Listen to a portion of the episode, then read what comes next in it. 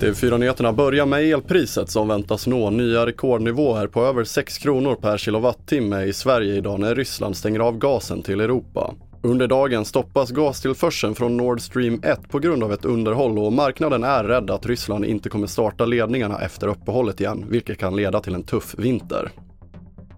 Och vi fortsätter med att Sverige om några veckor kan få vaccin mot apkoppor. Sjukdomen fortsätter att öka och sedan i maj har totalt 43 fall rapporterats i Sverige.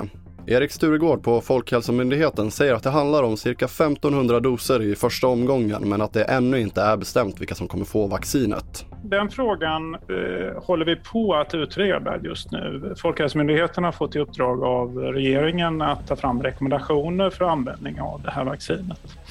Och målsättningen är såklart att använda det på ett sätt så att det gör mest nytta och att de individer som har störst, störst nytta av vaccinet får vaccinet, störst behov. Det sa Erik Sturegård, sakkunnig läkare vid Folkhälsomyndigheten. Och vi avslutade i Dalarna där flera kommuner har haft svårt att hitta sommarvikarier till hemtjänsten och i Malung-Sälen så har man nu valt att rikta in sig på ungdomar med epatraktorer. Ungdomarna har fått avlasta personalen med bland annat städning och handling och man hoppas även att detta ska väcka ett intresse för vårdyrket hos ungdomarna. Fler nyheter hittar du på tv4.se. Jag heter André Metenen Persson.